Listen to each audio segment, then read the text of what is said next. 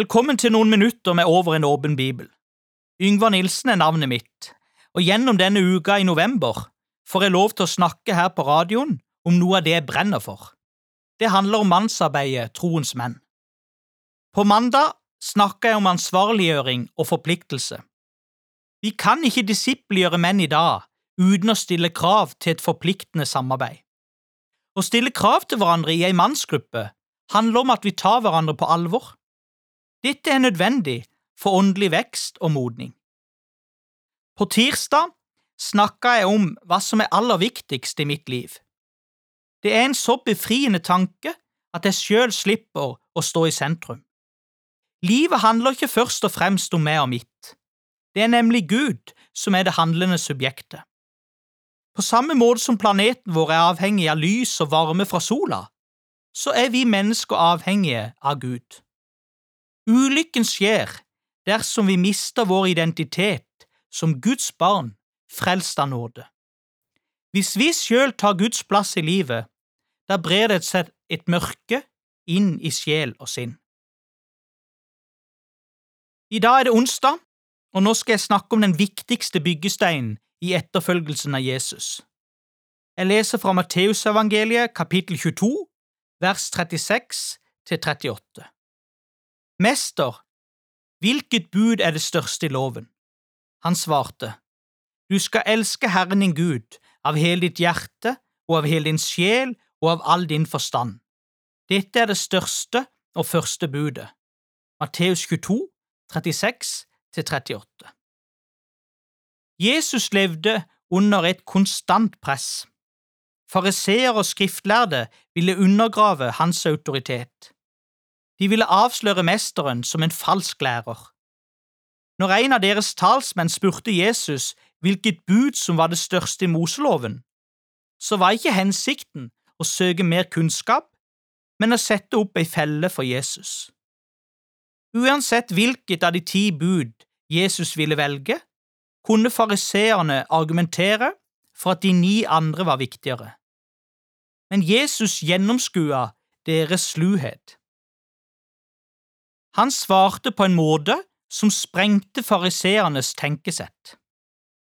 Jesus gikk rett til kjernen.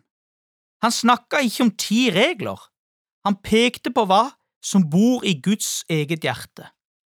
Hva er Guds store hjertesak for oss mennesker? Svaret på det er at Gud elsker deg. Han elsker deg som om du var det eneste mennesket på jorda. Guds største ønske er at alle mennesker skal få et nært og fortrolig forhold til Han. Han ønsker at du skal bli så godt kjent med ham at du begynner å forstå hans kjærlighet, og at du begynner å elske ham tilbake. I ei mannsgruppe som jeg deltar i, hadde vi nettopp lært oss utenat dette bibelordet fra Matteusevangeliet. Henvisningen er det vanskeligste å huske, så den sier vi alltid to ganger, en gang før og en gang etter verset. Dagen etter at jeg hadde lært bibelordet utenat, våkna jeg opp om morgenen. Jeg satt på sengekanten med et smil og en overraskende klarhet. Bibelordet hadde arbeida i underbevisstheten mens jeg sov, og nå sto det så klart for meg.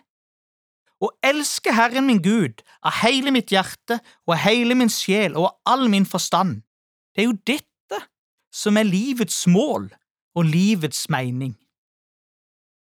Når jeg nå i ettertid gjenopplever dette øyeblikket, så tenker jeg på et refreng jeg hørte som barn. Å være din, o Jesus, det er livet. Å være din er lykke, underbar. Du har ditt hjerteblod for meg jo givet og åpnet frelseskilden, rik og klar.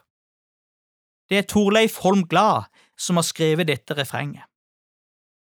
Men så kan vi spørre, hva med den andre delen av det dobbelte kjærlighetsbudet, det som handler om nestekjærlighet?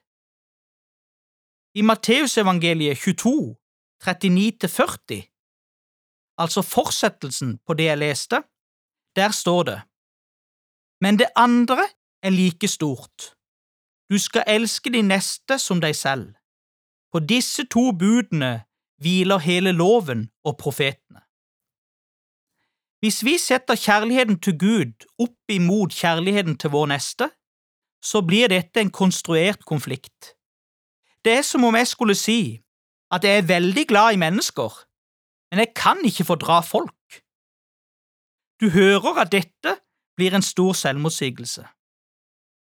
Og likevel, det er et paradoks, dette. Vi kan være glad i Gud og mennesker, og samtidig bærer vi på en steingrunn i hjertet.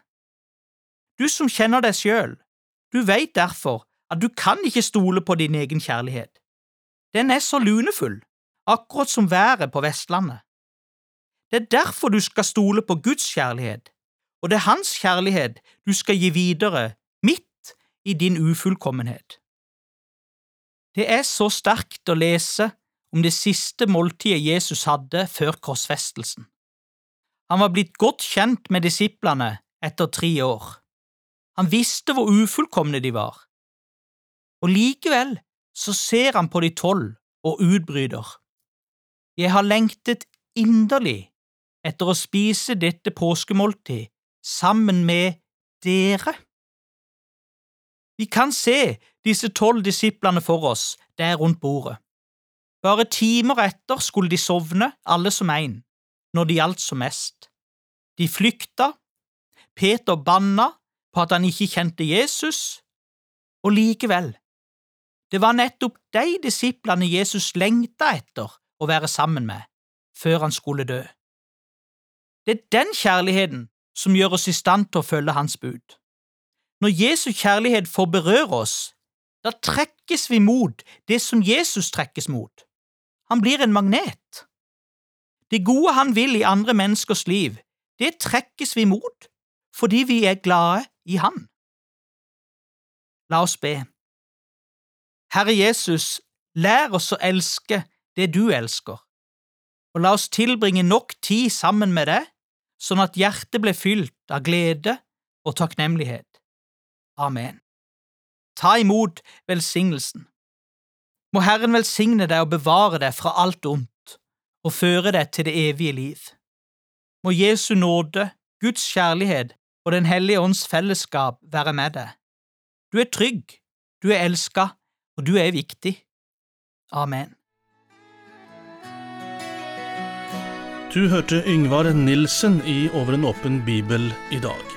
Dette programmet er produsert av Norea Mediemisjon. Besøk gjerne våre nettsider norea.no.